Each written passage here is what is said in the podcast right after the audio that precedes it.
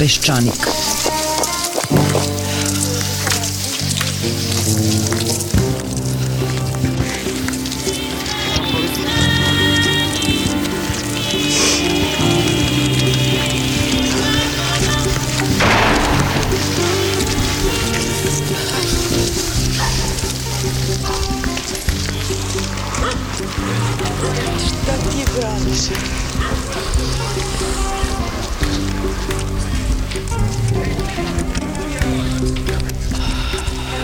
Peščanik.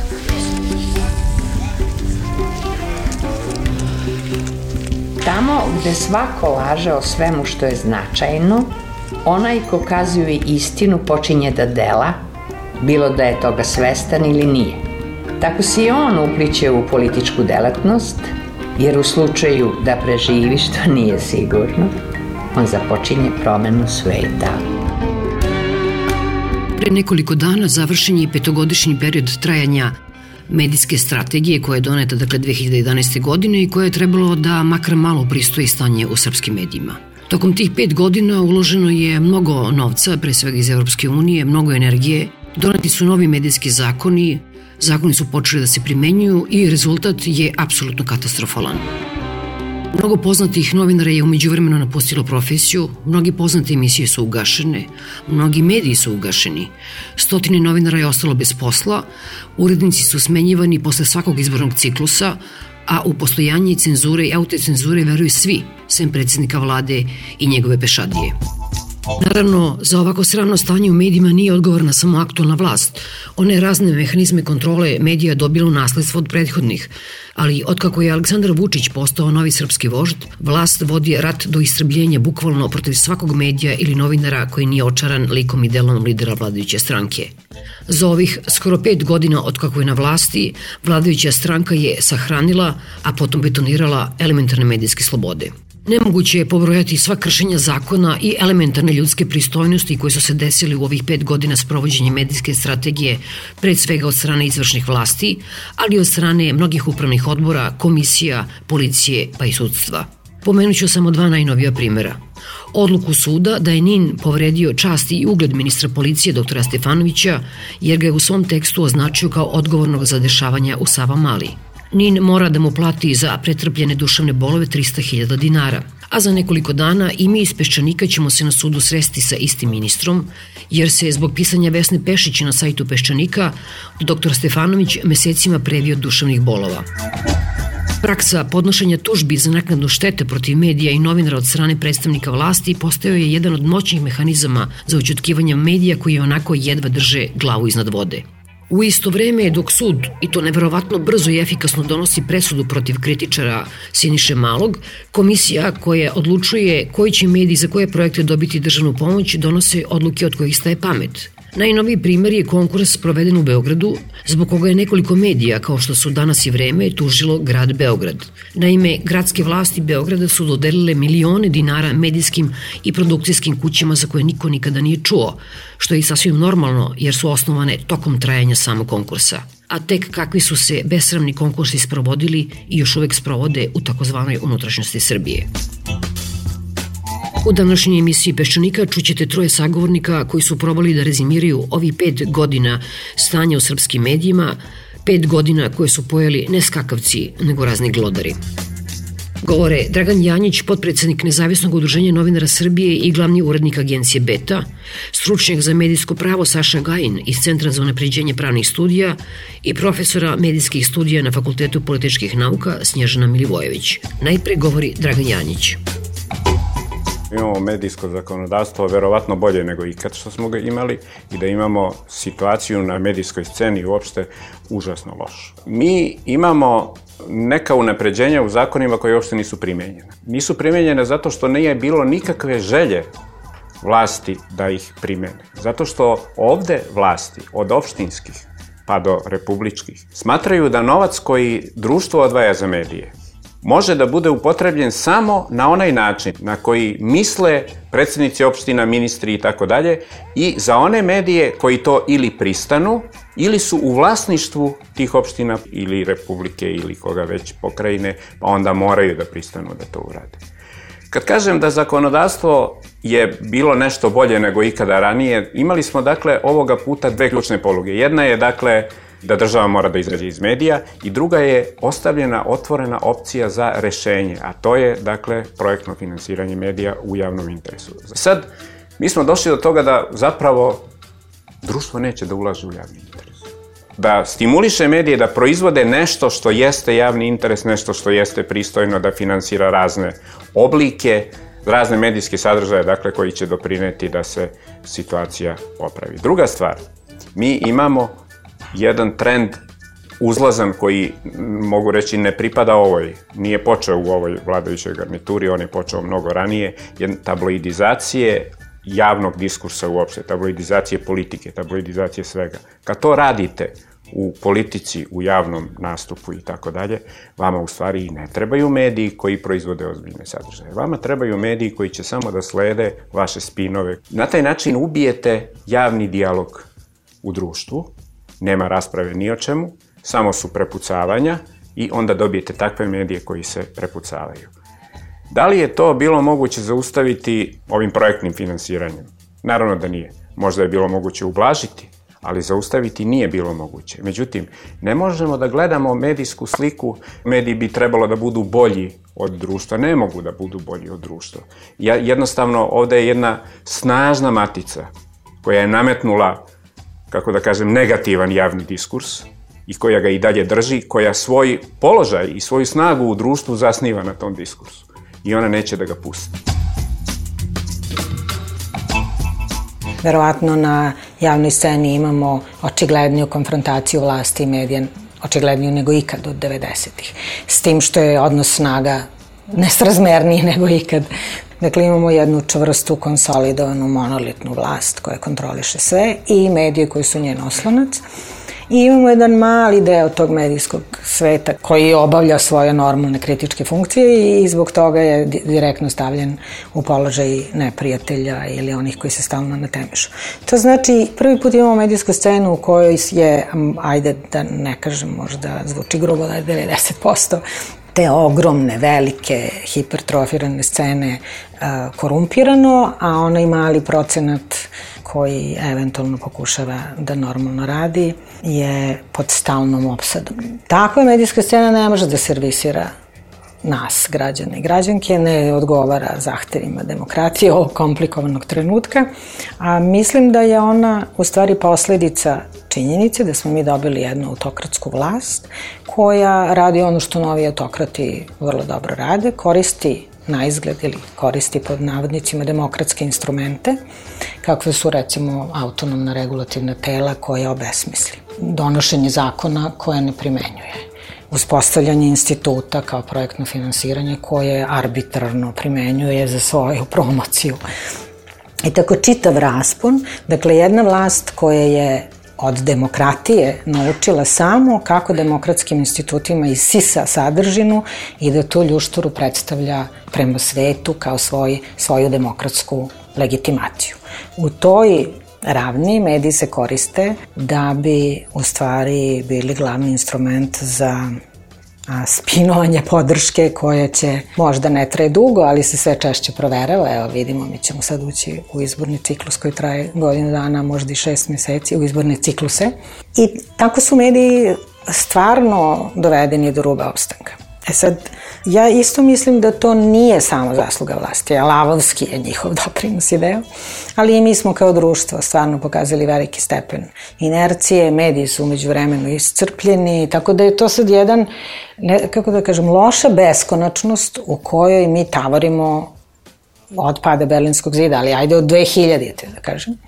I nismo u stvari mi nikako konsolidovali snage i ušli u tu medijsku tranziciju. To je bio jedan babaroga proces kojim smo mi pretili, plašili, kojim je Evropa uslovljavala, od koga su ovdašnje vlasti bežale, koji je u stvari nema nikakvu sadržinu. Sad kad bih razmislila, evo, u odnosu na 2000, to ako to uzmemo kao početak naše tranzicije, recimo da je 2002. 2003. kad su doneti prvi medijski zakoni, kad je uspostavljeno regulatorno telo, ajde počet prvi regulativni ciklus. Onda je 2009. javnost uzburkana onim jednim nesrećnim zakonom, antievropskim zakonom o medijima koji su tadašnje demokratske vlasti pokušale da disciplinuju te nabujale tabloide i gde je bilo jasno da su se mediji otrgli, koji su umeđu vremenu konsolidovali imovinu, vlasništvo ili neke druge kanale uticaja na političare i kao posledice toga i zaista jednog pritiska javnosti 2011. je usvojena medijska strategija. Sad vraćam se u istoriju zato što je tog trenutka stvarno počeo novi regulativni ciklus. I sad kad bi mi pogledali unazad od 2012. do 2016 obavljeni su temeljni transformativni procesi.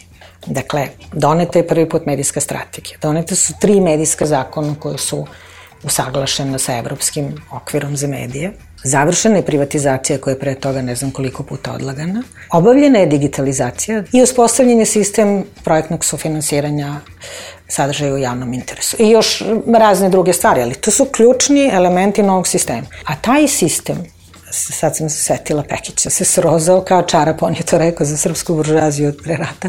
I taj sistem se srozao kao čarap, a njega čak nije trebalo, nije, nije nikad profunkcionisao. A kada biste počeli sad da objašnjavate šta sa njim nije u redu, sve sa njim nije u redu. On zaista ne znam, zbog te loše beskonačnosti odakle bi sad krenuli. Znate, vi donosite seriju zakona koje ne primenjujete. Pa koji to parlament i u kojoj to pravnoj državi zakoni ne obavezuju? Pogotovo ne obavezuju državu. Ja sad gledam te podatke. Ako je tržište oglašavanja u Srbiji 160 miliona evra, a u Srbiji ima oko 1600 medija. To je grub prosek, recimo, ali taj prosek već govori koliko je to besmisleno, jel? I koliko je nemoguće prvo da ti mediji funkcionišu A pritom imate medije koji su ekstremno bo bogati ili dobro stoje u odnosu na regionalno, balkanski prosek. E, znači, tu se maše jednom tom fikcijom, imamo 1600 medija, scena je prenatrpana, mora da se konsoliduje i onda imate u stvari jedno zalaganje za strategiju koncentracije, koja će u stvari voditi ka nastajanju medijskih šampiona, pet velikih će preživeti, a mi mašemo ovom ovde slikom kao, eto, 1600 medija su u stvari problem. Ne, ne znamo dakle, zakoni, ni jedan podzakonski akt koji bi garantovao da se ova, ovi ključni instituti obezbede, nije donet. Znači, zakon bez pravne arhitekture ili strukture koja bi ga podržala može da bude fantastičan i da stoji na polici. Jel, kako ćemo mi obezbediti transparentno raspodelu sredstava kroz e, komisije u kojima sede nezavisni stručnjaci. U 250 opština u Srbiji sedi po tri nezavisne stručnjaka za medije, kojih mi imamo naravno toliko da mogu da obsluže sve te komisije. I tako, hiljade nekih instituta e, su uneti u te zakonske propise o kojima niko nije razmišljao kako će se primeniti, odnosno ne, niko nije razmišljao, nego hoće da kažemo, normalna zakonodavna procedura podrazumeva da se vide ishodi procesa koji se njima pokreću. Privatizacija je recimo jedan od ključnih. Zašto smo svi iznenađeni? Što se pojavilo pet vlasnika koji su prijatelji sa liderima političkih partija ili samo sa funkcionerima vladajuće partije koji su pokupovali sve. I zašto se jedna od tih imperija, ta Kruševačka, jeli, već urušava? Ne plaćaju, ne izmiruju obaveze? Zašto nijedan od tih medija ne ispunjava radnopravne obaveze prema zaposlenima? Zašto se nijedan ne pridržava programskih obaveza? Znači, Očigledno je da je cilj bio tadašnjem ministarstvu da se jednom već završi ta privatizacija koja se svima popela na glavu. Nešto nam to traje 100 godina, nikako da je obavimo. Pomerali rokove, izgleda neozbiljno pred Evropom. U jednom trenutku je bilo nagovešteno da će početi da se otvaraju poglavlja. Ovo je izgledalo kao nešto što lako može da se oglasi, evo idemo u privatizaciju. I posle završenog roka i posle završene privatizacije, evo pogledajte sad, kad je ministarstvo izašlo sa tvrdnjom da je recimo na kraju samo 80 medija ja, u stvari išlo u privatizaciju. Od toga je samo 50 oglašeno.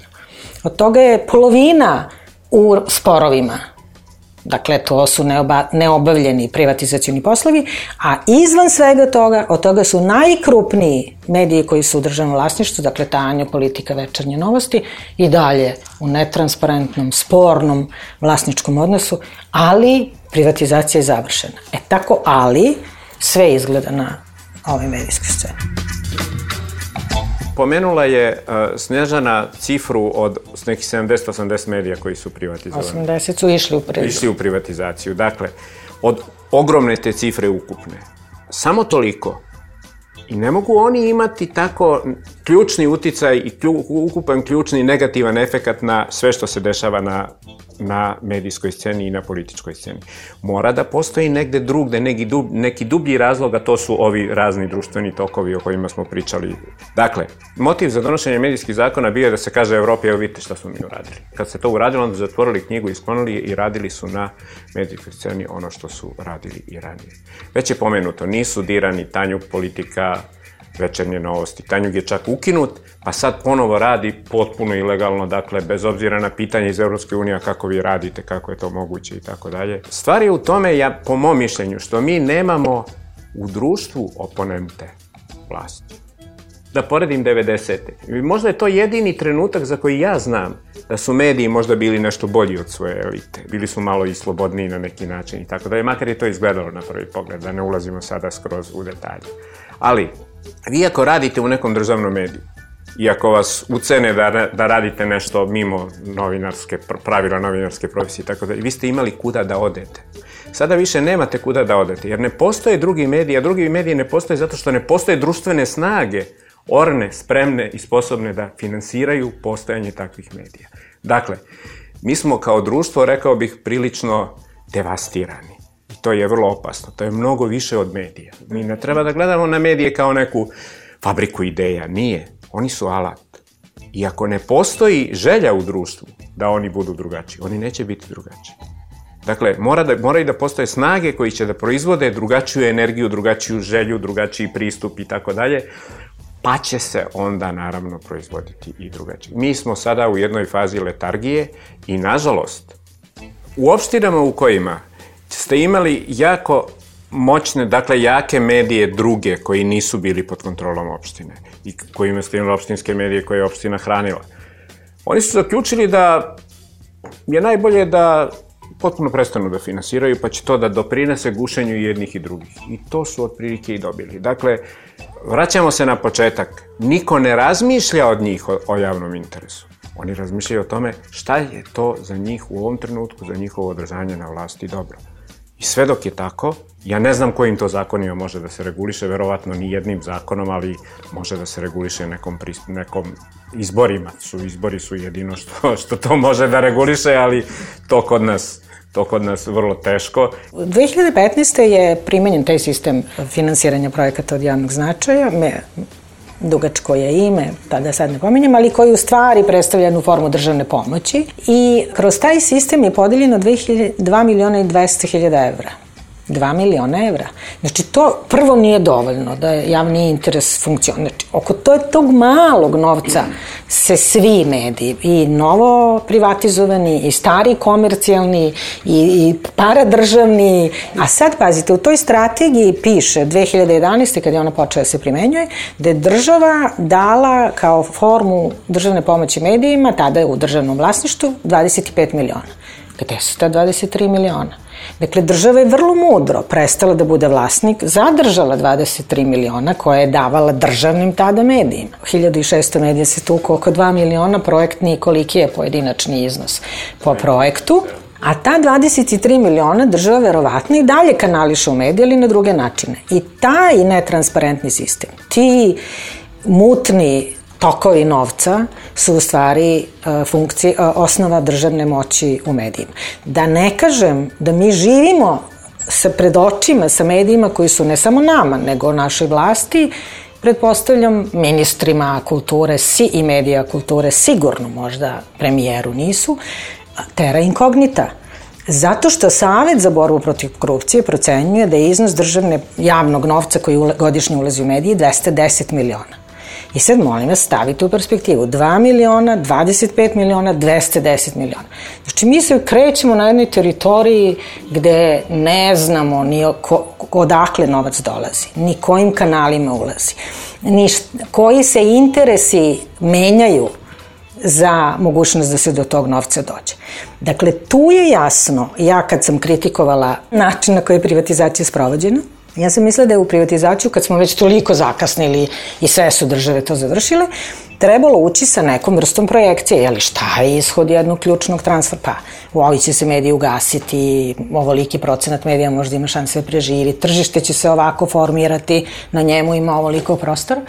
Umesto toga, mi smo u stvari dobili i možda je to ključni razlog zašto je privatizacija na kraju tako očas sprovedena, iako je 10 godina, 15 mrcva, posle tolikog mrcvarenja, je to što je država shvatila da ona može da prestane da bude vlasnik, a da može da sa sobom ponese svoj novac koji će onda deliti kao finansijer. Da ne kažem da je ukupni iznos držav, javnog novca koji ulazi u medije, ako to ubrojimo i javni servis, veći nego novac koji dolazi sa tržišta oglašavanja. I to je verovatno jedinstven primjer u Evropi, da vi imate više javnog novca. Mislim, u sređenim evropskim zemljama, ne, ne znam baš tačno za istočnoevropske zemlje ili zemlje koje su skoro završile tranziciju. I onda što se dogodilo? Dakle, država je odnoseći taj novac u stvari oglasila Umesto novca koji smo ranije davali državnim medijima, sad ćemo davati privatnim medijima. I sad će naši saveznici biti privatni ili ne državni mediji, pošto smo mi demokrate,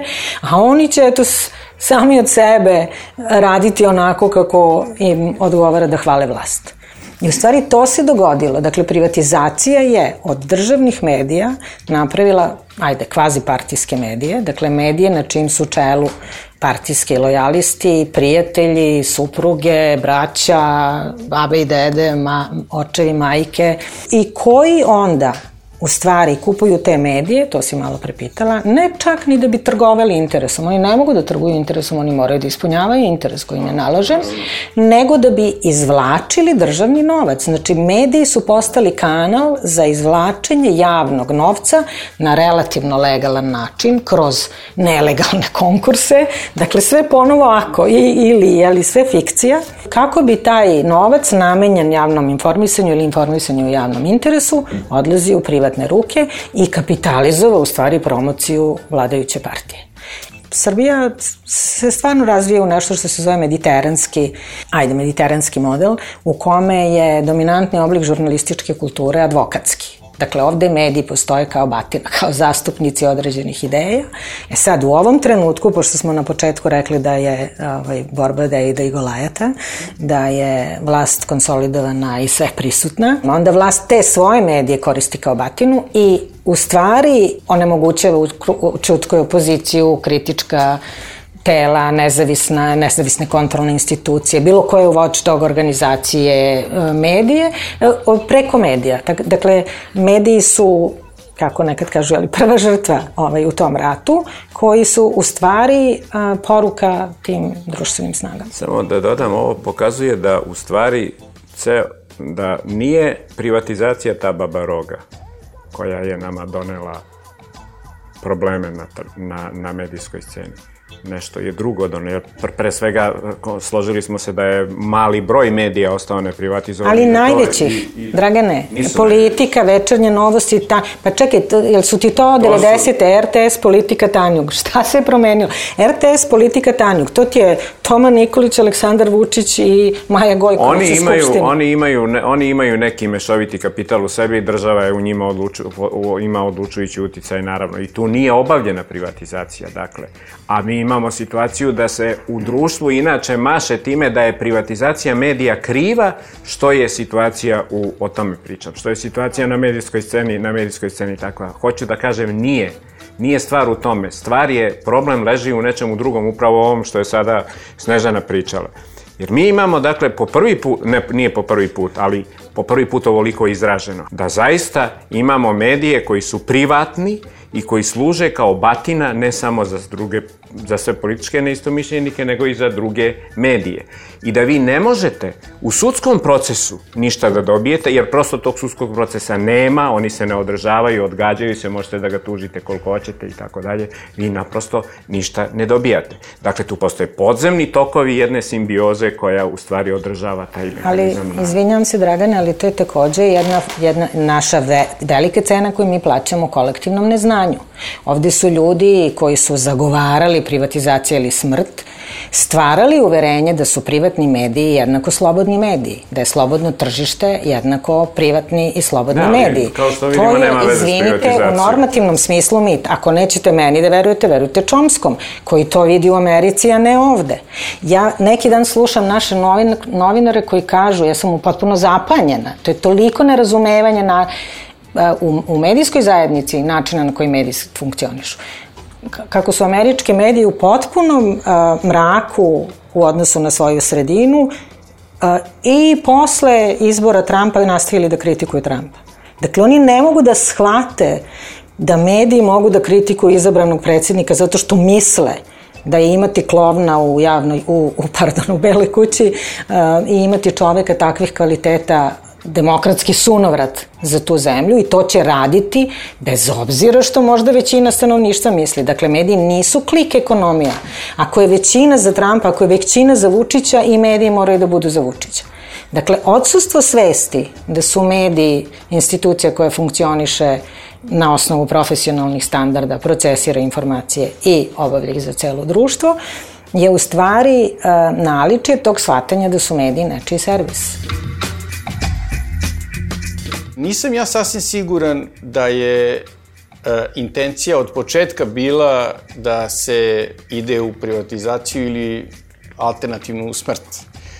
E, mislim da su postojali, postojali ti B planovi koji su podrazumevali privatizaciju uz omogućavanje ponovnog osnivanja medija od strane organa javne vlasti. Dakle, rešiti se jednih i osnovati druge. Ti drugi su već počeli da se osnivaju od strane opštinskih uprava, pogotovo na jugu Srbije, u to vreme. Dakle, neposredno prema što je zakon ušao u proceduru.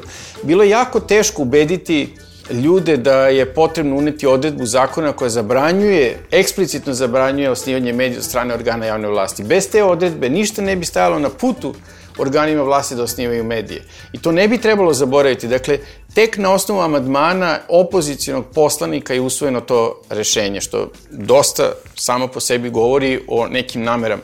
Mi smo sličnu situaciju imali, dakle, rad na zakonu je bio opterećen Jedan od tih sukoba se vodio i u vezi sa finansiranjem javnog medijskog servisa. Pa je na kraju, tek u javnoj raspravi, presuđeno da, i na osnovu javne rasprave, presuđeno da se samo na osnovu takse može finansirati javni medijski servis, da bi mi dobili par godina već jedno budžetsko finansiranje RTS-a za koji je tada postojalo na nivou političke elite, na samom vrhu političke elite raspoloženje da je to jedini način finansiranja javnog medijskog servisa. Ova priča o javnom servisu, pa izvinite, to zaista nije nikakav problem. Postoji normativni model na kome je ustran javni servis. Postoji tri načina na koji fun funkcionišu dobri, relativno dobri javni servis i postoji razlika između Hrvatskog koji je dobar i Mađarskog koji nije dobar. To se vrlo lako ustanovi. Možete vi do besvesti u Skupštini nekompetentne rasprave ili u radnim grupama da vodite. Svaki ima svoje mišljenje. Jedne stvari, svaki ima svoje mišljenje. Tamo gde nema snage argumenta koji je zasnovan na stručnosti, naravno da će se sve lomiti oko interesa. Ali mi stalno govorimo da je uzor za formiranje našeg javnog servisa BBC, jel? Mi naravno ne možemo da budemo BBC, ali mi recite zašto se 20 godina posle pada Berlinskog zida nije pojavila ni jedna televizija koja bilo šta pristojno nudi i građanima. Vi malo prekažete, ima istraživanja u kome javni servis ne ispunjava ulogu. Pa jel vi, jeste vi videli kakva je struktura programa vodećih komercijalnih emitera? Jeste vi videli da tamo 70% jedan emiter ima reality sa pornografskim sadržajem, a dobio je licencu kao dečija televizija. Televizija Pink nikad u istoriji nije proizvela jedan program, recimo dokumentarni obraz, obrazovni, na primjer. To je opšta televizija, izvinite, ona nije javni servis, ali generalne televizije koje su dobile pravo emitovanja uz licencu su imale jeli, ono javno slušanje, morali da prilože svoju programsku šemu. Da, znam da je iluzija o tome pričati, ali zašto ti veliki komercijalni emiteri koji su silne pare uspeli da zgrnu na ovom siromasnošnom tržištu nijednom normom zakonskom, nijednom odredbom nisu usmereni u to da proizvode kvalitetan program. A šta su radila regulatorna tela? Šta je radio TRM? Imao je regulatorno telo imalo, imalo zakonsku osnovu da kaže da nešto uradi u tom pogledu. Kad, kad je... Ma, imalo je. Kad je, mislim, Ima svoja prava. Prvo što se javnog re- e, medijskog servisa tiče, uh, oni ne postoje ni zbog čega drugog osim da ispunjavaju javni interes u sferi javnog informisanja koji je njima propisan. Dakle, zašto oni to ne rade, to je isto kao da pitate e, ministra zašto ne poštuje član 8 zakona o javnom informisanju i ne trpi dužnu kritiku na, e, u vezi sa svojim radom, već se obraća sudu i traži zaštitu zbog povrede, ne znam, časti i ugleda. Zašto se to dešava? Ja sam upravo pričao o tome da mi imamo taj demokratski deficit, ali isto tako mislim da zaista nema nikakvog smisla porediti nas sa razvijenim demokratijama. Italija je jedna od razvijenih demokratija. Naša medijska scena nema nikakve veze sa Pa čekajte, Italijom. mi smo prošle godine u, U kategoriji... Italiji, e, naša medijska scena jeste test koji se vezuje za vladavinu prava, za demokratiju i za ljudska prava. E, Italija je zemlja koja te testove prolazi bez većih problema. Mi taj test ne možemo da prođemo. Ne treba da se fokusiramo ovde na vlast. Vlast je takva kakva jeste i ona će biti takva kakva jeste onoliko koliko joj se dozvoli, je tako? Ovde je stvar u tome da li postoje, da li, mi, da li mediji i druge društvene snage mogu da organizuju otpor. Dakle, onog trenutka kad se pojave te snage i onog trenutka kad one budu u stanju to da urade, onda će postati smisleno, ali ne treba prestati pričati o tome ni sada. Dakle, oni koji hoće i koji žele, a evo to je i ova emisija, oni to pokušavaju. I u redu je da pokušavaju i mislim da je to vrlo važno za budućnost društva. Mi imamo uvek isti problem. Zakon o zabrani diskriminacije je usvojen posle 9 godina kampanje, sami prosudite koliko se primenjuje. Zakon o besplatnoj pravnoj pomoći pokušavamo da proguramo kroz parlament već 15 godina. Jednom kad budemo uspeli, siguran sam da će nam trebati 30 godina da on počne da se primenjuje. I, i to je ono u čemu se mi nalazimo. Samo da vas razočaram u medijima, nemate tog vremena.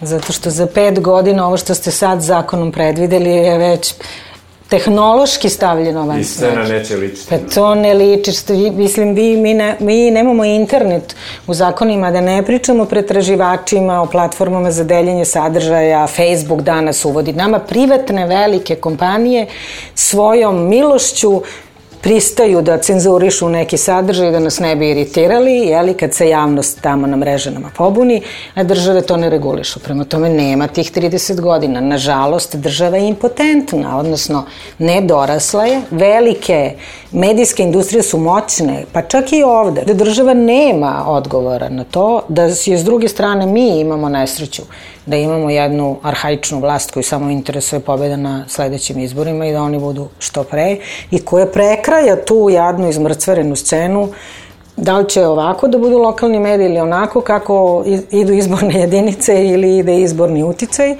a to u stvari nema nikakve veze sa vizijom i sa razvojem medija. I mi smo stvarno svedoci da debata, nekako javna debata u ovoj zemlji migrira na, na internet i na digitalne medije. Dakle, sloboda se ne može zatreti i to je naravno razlog što vlast reaguje na drugi način. Prvo su počeli da obaraju sajtove, onda su videli da je to ne, ne celishodno, izvinjam se Peščaniku koji je bio žrtva takođe, ali su onda proizveli armiju botova, dakle zaposlili, našli drugi način, jel?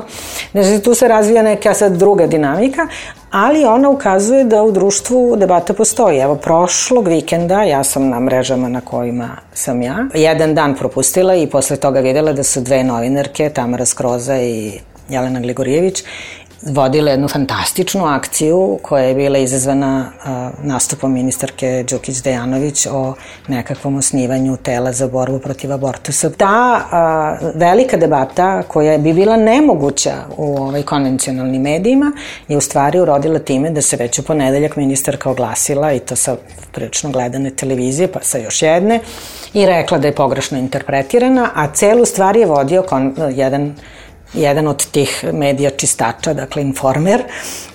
Dakle, sva je medijska mašinerija bila upregnuta, a, a debata među građankama i građanima koja se vodila na internetu je se u stvari i vlasti vratila kao bumerang. To malo liči jeli, na Poljsku ili liči na neke uspešne e, slučajeve po Evropi i ona nam govori da sloboda nikad nije garantovana. Nekad će javnost pobediti, nekad neće, sada nije u baš dobrom trenutku, ali je možda to trenutak u kome se konsoliduje za neki možda efikasniji uh, otpor u uništavanju medija. Ja sam siguran da sa nekom veštom političkom borbom mnoge stvari mogu da se postignu. Recimo, postoje primeri.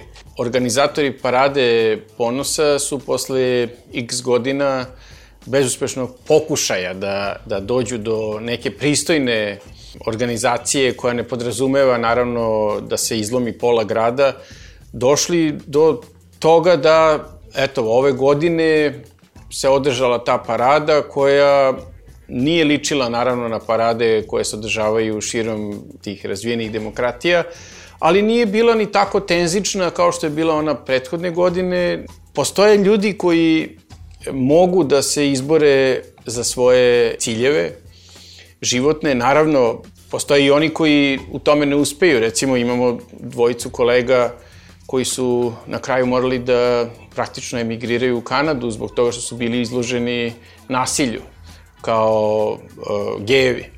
Hoću da kažem, postoji prostor za, za borbu. Da ga nema, ne bi bilo peščanika, ne bi bilo cinsa, ne bi bilo krika, ne bi bilo svih tih koji sa nekom dozom uh, hrabrosti obavljaju posao za koji misle da, da ima smisla živeti.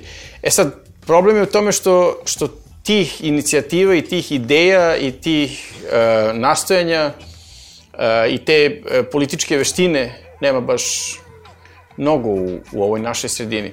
Ja ne vidim da, da na ovoj našoj političkoj sceni, kada se recimo radi o političkim partijama, postoje takve snage. Nema ih među zaposlenima, sindikati nemaju ideje, nema ih među profesorima univerziteta. Ima malo nekih nevladinih organizacija koje se trude, jako veliki broj njih sarađuje sa, sa političkom elitom, e, ogroman broj nevladinih organizacija osnovan od strane organa javne vlasti i tu su, eto, par medija. I to je, i to je ta naša slika koja pokazuje demokratski deficit u, u kome mi živimo. Pokojni Vojin Dimitrijević je rekao jednom, prekorevajući me kad sam ja nešto vatrirala, ko zna zbog čega. On je rekao, ne možete da očekujete od ljudi da svako jutro se ustanu i da se ponašaju kao heroji. Kazne su sve drastičnije. Dakle, ne samo da će vas ganjati na sudu, da ćete plaćati ogromne kazne, vi ste obeleženi kao meta. Jeste da je parada ponosa organizovana, ali taj Vacić je otišao u ministarstvo. Sta, država stalno šalje te šizofrene poruke u koje s jedne strane dozvoli kao nešto, a s druge strane prigrli u svoja nedra, u svoje kancelarije, batinaše. Molim vas, ne da prigrli batinaše, nego predsjednica Skupštine sebi dozvoli onu demokratsku karikaturu, na šta ono liči, ono je uvreda za sve nas. Ono njeno šaputanje i pozivanje na, na ministarku zbog koje ne može o tome da se razgovara. Posle parade ponosa i posle tolikog hvaljenja, jedino što pamtite o tom novom sastavu vlade je seksualna orijentacija jedne ministarke. To je jedini novum bio u toj vladi. Dakle, to je stalno tako. Mi ovde non stop vodimo debate o tome kako u opoziciji nema novih snaga. Izvinite, koje su snage nama sada vladajuće? Što, u čemu su Vučić Nikolić i Maja Gojković nove snage bili 2012. ili su danas? Šta je to superiorno ideološki novo što oni nude? Molim vas, oni sada za državnog sekretara za medije predlažu Ninu Brajovića, što je jedna a, odluka koja iritira i konfrontira čitavu medijsku zajednicu i grupaciji i udruženju iz koga on dolazi da je a, osokoljen u poziciju da su u stvari napadi na njega motivisani željom da se dočepa te zgrade iz koje je on sad trenutno otišu pa sedi sad u drugoj zgradi. Dakle, to je jedna serija ponižavanja javnosti. Mi smo svi svakodnevno, ne ti heroji na koje je Vojin upućivao, nego ljudi koji moramo zubima da se držimo, da odbranimo ono što smo već imali nekada, a ne da iskoračimo i borimo se za nešto novo. Mi moramo da očuvamo slobode koje smo imali, da nam ne bi ukinuli abortus, da nam ne bi zabranili paradu idući put, da nam ne bi ukinuli sve medije koje nam eto milošću svojom dozvoljavaju da funkcionišu. S druge strane, mi, mi živimo u jednom društvu koje se konstantno mrcvari i zaista koje plaća cenu toga što sadašnja e, vodeća garnitura pere svoje biografije pred očima svih nas, tako što reinstalira prošlost i što pokušava da nekakvim ne čak ni toliko što direktno, nego te, ti citati na prošlost, to je jedno mišljenje koje je iz 19. veka za medije, ako već govorimo o medijima, mladim ljudima sa univerziteta na kojima mi oboje radimo a, i koji dolaze ili idu u 21. vek, zaista stvara um, veliku napetost. Dakle, mi, oni nas drže u pogrešnoj tranziciji. Oni nas drže u onoj tranziciji u kojoj oni hoće da izađu kao pobednici, jer su u onoj pravoj izgubili. I sad svi mi moramo da izgubimo ovu novu ovaj, tranziciju i ovaj novi ulazak u Evropu, da bi oni uh, namirili svoje račune sa istorijom. Bio Peščanik, slušali ste Dragana Janjića, podpredsednika Nezavisnog udruženja novinara Srbije i glavnog urednika agencije Beta, Sašu Gajina, stručnjaka za medijsko pravo iz Centra za napređenje pravnih studija i profesorku medijskih studija na Fakultetu političkih nauka Snježanu Milivojević. Pozdravljaju vas Svetlana Vuković i Svetlana Lukić. Peščanik –